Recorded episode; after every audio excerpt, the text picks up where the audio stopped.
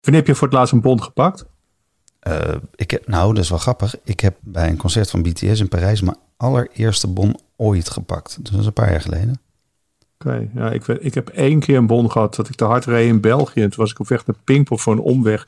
Maar dat hadden ze heel listig gedaan. Met die snelheidsborden hadden ze veranderd. Uh, zonder dat je het eigenlijk goed in de gaten had. Echt, uh, maar uh, jeetje man, echt niet gedacht dat ik ooit van mijn leven nog een liedje leuk zou vinden. Wat door René Vroger wordt gezongen. Ja, toch, dus toch. En ook wel blij dat er eindelijk een opvolger is voor dat vreselijke. Ik wil zwemmen in Bacardi Lemon. Want dat heb ik echt wel gehoord nu. Had jij gezien dat ik op tour ga? Mm, ja, masterclass. Ja, ja nou, ik zit uh, toevallig. Daarom, we zijn, dames en heren, we zijn wat eerder met het opnemen van deze podcast, omdat ik morgen een gig heb. Ja, we zijn wat eerder. We zenden hem op maandag uit. Ja, uh, maar we nemen hem nu wat eerder op. Dus uh, oh. ik ga namelijk morgen zwemmen in Bacardi Emmen.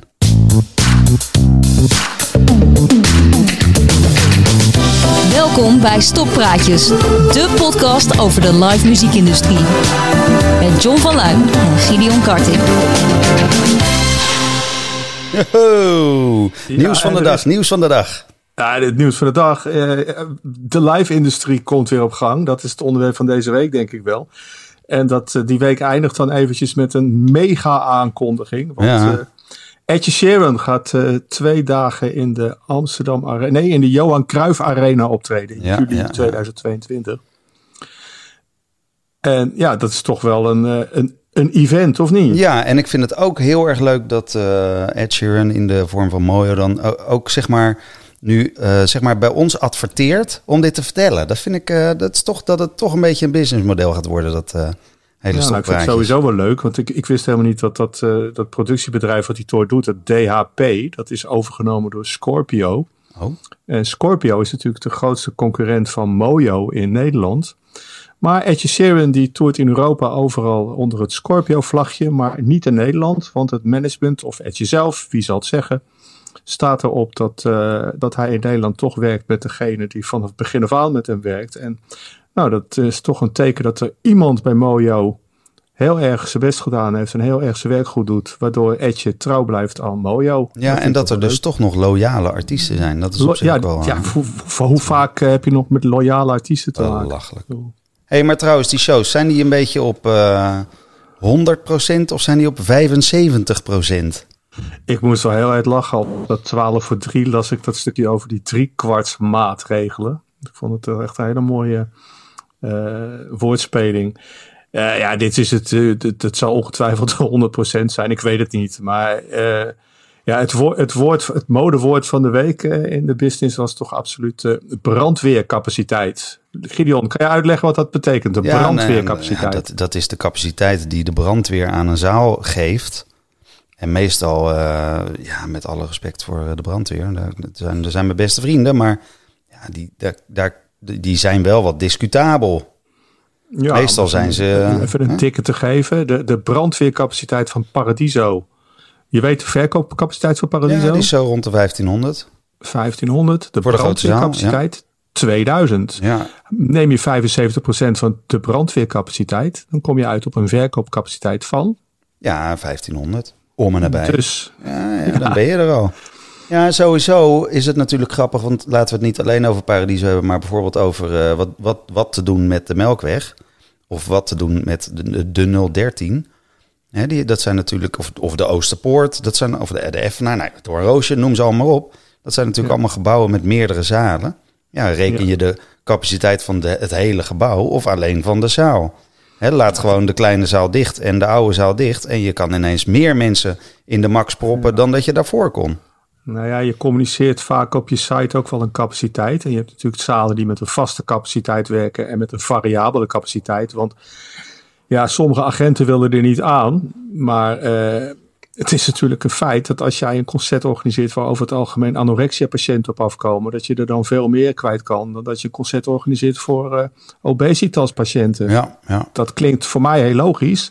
Maar er zijn zalen die gewoon vasthouden van, ja, onze capaciteit is zoveel. Eh, ongeacht of die mensen dik, dun, oud, jong, whatever zijn. Ja, dat komt natuurlijk ook doordat zalen veel inclusiever zijn dan, uh, ja, je moet gewoon iedereen over één kam scheren? ja, ook kale man. Het slachtoffer van de week.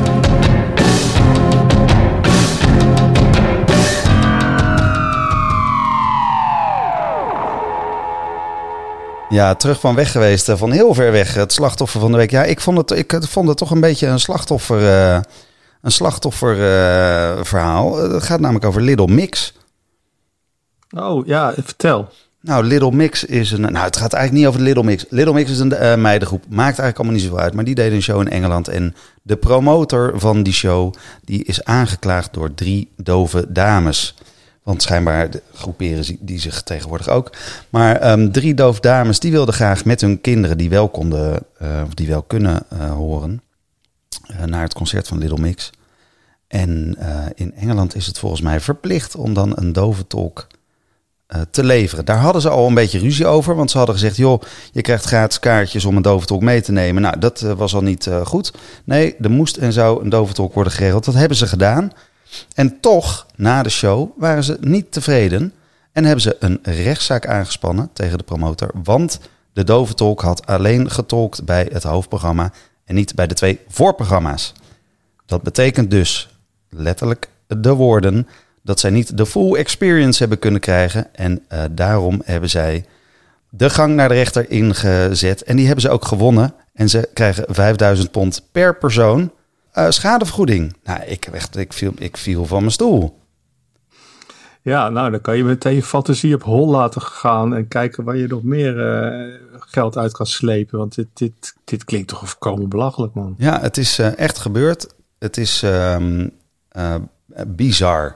Maar ik kan me voorstellen dat je, bedoel, je hebt best wel lang in een zaal gewerkt waar ook wel af en toe een klachtje hier en daar binnenkwam. Heb jij wel eens ja, nou ja, dit, wat me nu zo te binnen schiet, wat ik altijd een beetje een hele rare klacht heb gevonden, was op een gegeven moment een, een vriendin van een DJ.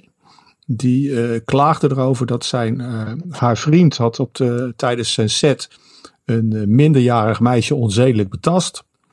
En was door mij op, ja, eigenlijk gewoon op een soort van non-actief gezet. Van ja, jij komt hier niet meer draaien, want je zit, ik kan niet, je handjes niet thuis houden. Maar zijn vriendin dacht er heel anders over. En die begon te klagen en die, uh, die zei van ja, maar dat wicht heeft de hele avond uh, sexy voor zijn neus staan draaien en het is ook maar een man. En ja, ik vond het op zich heel apart dat een vriendin van een DJ dan, dan komt klagen dat die DJ daar niet meer mag draaien, omdat hij een, ja, een minderjarig meisje onzedelijk betast heeft. Ja. ja, bizar hè? Ja, ik weet nog wel in, de, er was ooit die show van Take That in Ahoy. Mm -hmm. En uh, toen waren ze niet meer met z'n vijven, maar met z'n vieren. Robbie Williams zat er al niet meer bij. En een van de vier, Howie, naar ik meen, die was ziek op de dag zelf. En toen is er gecommuniceerd, je mag uh, je geld terugkrijgen omdat Howie niet uh, meedoet. Maar dat deed natuurlijk niemand, want iedereen was al onderweg en iedereen wilde sowieso die band zien. Maar op één persoon na, die had namelijk 292 kaartjes gekocht. En die wilde zijn geld terug voor die kaarten. En dat kreeg hij niet. En die wilde een rechtszaak aanspannen. 292 ja, kaart had hij gekocht. Het was natuurlijk geen zwarthandelaar, dat snap je wel, hè? Nee, natuurlijk niet. Nee, nee. Ja, joh, hey, dus ja, pff, hè, wat moet je ermee? Ja, nou ja, het, circuit gaat langzaam weer open. Dus alle gekkigheid die daarbij hoort, uh, gaat ook weer uh, gebeuren. Uh, wat dacht je ervan dat, ja, logisch natuurlijk. iedereen denkt natuurlijk hetzelfde, net als de uitvinding van de boekdrukkunst. Maar allerlei zalen die nu hun dansnachten programmeren tussen 7 en 12. Ja, ja ik, ik, ik vind, het wel, uh, vind het wel heel apart. Het is de inventiviteit van de, van de industrie wordt, uh, wordt op proef gesteld. En daar maakt iedereen uh, gretig gebruik van. Ik kan dat eigenlijk alleen maar aan ja, over die 75% wil ik nog wat toevoegen. Dat, de, dat de, de grote winnaar zal daar toch eigenlijk het publiek zijn als dat wordt gehandhaafd. Want ja, eigenlijk is het mijn mening dat alle zalen, alle zalen in Nederland, alle clubzalen, eh, gewoon met een te hoge capaciteit werken. En bij uitverkocht concert vanaf pak een beet leeftijd 30 plus gewoon overvol zitten.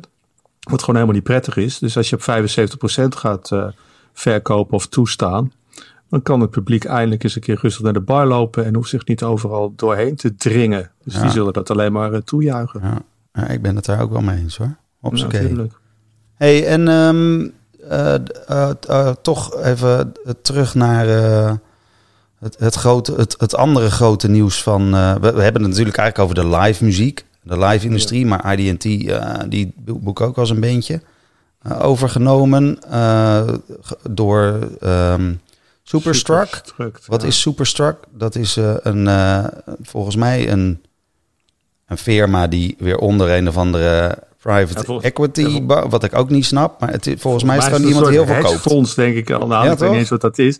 En die hebben dus het Sonar Festival in Spanje, Siget in Hongarije, Wakke in Duitsland. Uh, IDT dus, dat is binnenkort Sensation en uh, Mysteryland.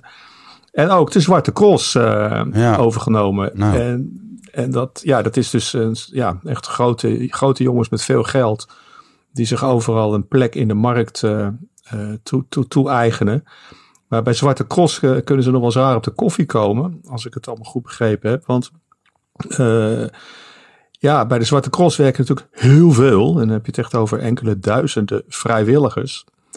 En uit het vrijwilligerskamp is al een beetje de gerucht opgekomen van ja, maar als dit niet meer onze Zwarte Cross wordt, maar een of andere rijke meneer uit wie weet waar die vandaan komt, dan gaan wij natuurlijk niet meer vrijwillig werken. Dus dan zou het maar zo eens kunnen dat die, uh, dat die company daar gewoon een lege huls heeft aangeschaft. Ja, ja nou, ik heb wel dat, dat zou natuurlijk goed kunnen. We moeten dat natuurlijk maar een beetje bekijken. wat ik wel heb gehoord, en dat vind ik toch eigenlijk wel. Uh, ja, toch wel een beetje. Dat is dan genees inventief. Maar dat, ik vind dat toch wel een beetje jammer. Dat ze dan concepten over en weer gaan. ik vind dat het, het ene moet het andere, want dat spaart allemaal geld uit. En dat je dan vol, volgend jaar niet alleen de zwarte cross hebt, maar ook de witte cross. jongens, zit er nog wat in de platenkast?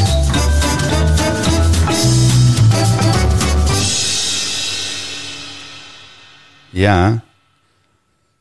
Zit, ja, er zit nog wat in de plaatkast. Ja, ja, we hebben hem deze keer voorgekookt. Ja. Laat het maar gewoon toegeven. Ja, nog erger. Ik heb zelfs uh, lopen sleutelen. ja. nou, laten we horen dan. Nee, nee, begin jij maar eerst. Want oh. jij was toch een beetje, jij was een beetje verbolgen.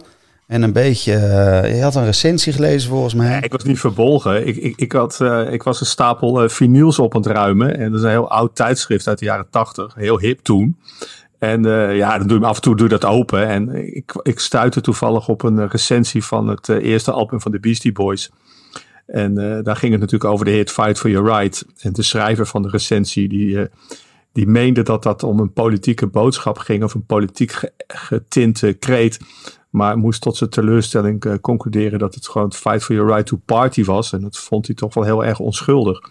En dan denk je met het unmute in, in mijn achtergrond. Uh, van ja, 35 jaar later is de Fight for Your Right to Party wel degelijk een politiek statement geworden. Zo kan de tijd de meest onschuldig ogende songtitels inhalen. Ja, ja, en omdat jij dacht van ik heb er hier een vette bootleg liggen van ja, van Junkie XL en, uh, en de Beastie Boys. Uh, dan gaan we die lekker draaien. Want uh, zoals je vorige week al hebt kunnen luisteren en hebt kunnen horen, hebben we nu een Buma-licentie. Dus we mogen ineens muziek draaien. Dacht je van, nou, dat kunnen we mooi illustreren. Nou, ik vond het een beetje een matige remix, als ik heel eerlijk ben. Dus, ik heb even, wel vet hoor. Ik heb mijn eigen remix gemaakt van toch een aantal. Want er zijn best wel wat covers. mag, ik, mag ik hem instarten? Ja, ja Kijken wat de Buma hiermee gaat doen. Kick it.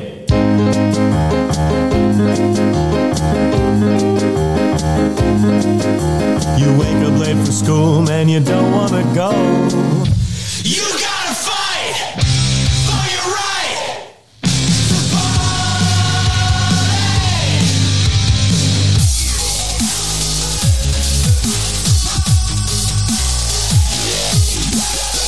To party.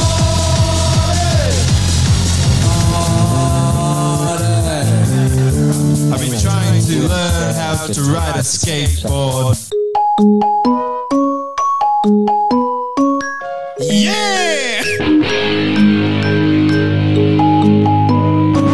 Nou, er ligt nog wel een toekomst voor jou in het verschiet als, uh, als remixer. Ja, of uh, gewoon als iets anders. Ja, als sam sample uh, deskundoloog nou, of zo. Dankjewel. hey, maar die Beastie Boys, die, die werden altijd geboekt door Paul Boswell. Oh, ja, dat is een agent uit Londen. Ja, dat is een, in, in, in de business wel een hele bekende naam. Eh, omdat hij eh, als een nogal excentrieke Einzelganger te boek, eh, te boek staat stond. Iemand met een enorme grote bek en ook wel een heel klein hartje, ben ik later achtergekomen. De eerste keer dat ik hem hoorde praten was door een telefoon horen dat hij met mij een collega aan het praten was en die collega helemaal verrot aan het schelden was. En ja, bij Mojo was het ook altijd van ja, wie wilde werken met Boswell. En Boswell had ook de neiging om rechtstreeks met de zalen te bellen. En die deed gewoon waar hij zelf zin in had. Maar het gerucht gaat eh, steeds sterker dat eh Paul ermee ophoudt. En eh, ja, dat illustreert bijvoorbeeld het feit dat de toertjes van de Average White Band en de Human League er gewoon uitgekikt zijn en niet meer verplaatsen. Dus alles wijst erop dat dat zo is. Ik heb ook een keer wat bij Boswell geboekt, bedenk me ineens. Toen ik nog bij Rotan zat. En toen dacht ik, ik kan toch niet met een agent werken? Ik Nou, vond het een hele aardige man eigenlijk. Maar sorry, Welke band? Welke band? Sandy Dillon was dat. Sandy Dillon, ja. Ja, ken ik nog wel. Maar sorry, je was in een Nee, ja, nee, maakt niet uit. Maar eh, de, de, ik kon me ineens nog herinneren dat, eh, dat Paul Boswell toen met kerst eh, had hij een kerstborrel. Dat deed hij volgens wel vaker. Maar dan had hij, eh, had hij Mojo uitgenodigd en, om daarheen te gaan. En die had zoiets van, nou, dat is toch een teken van een, ja, een handreiking. La- laten we daarheen gaan. Ga je mee? Dus ik mee. En eh ja, was best gezellig. Daar wat tourmanagers, wat andere agenten geloof ik. Ik kan me niet meer zo goed herinneren. Maar op een gegeven moment eh, kwam zo de kamer weer binnen. En die, ja, die keek niet helemaal helder meer. En die zei, kom, we gaan. Eh, bleek nou, had daar gewoon die hele wc van boven tot onder zo ondergekotst. Je weet toch altijd een leuke podcast weer helemaal qua niveau naar beneden te halen. Dus jammer.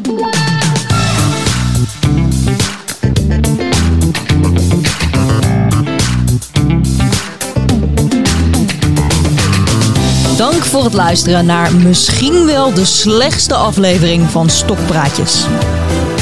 Word daarnaast vooral lid en vind ons leuk. Tot de volgende.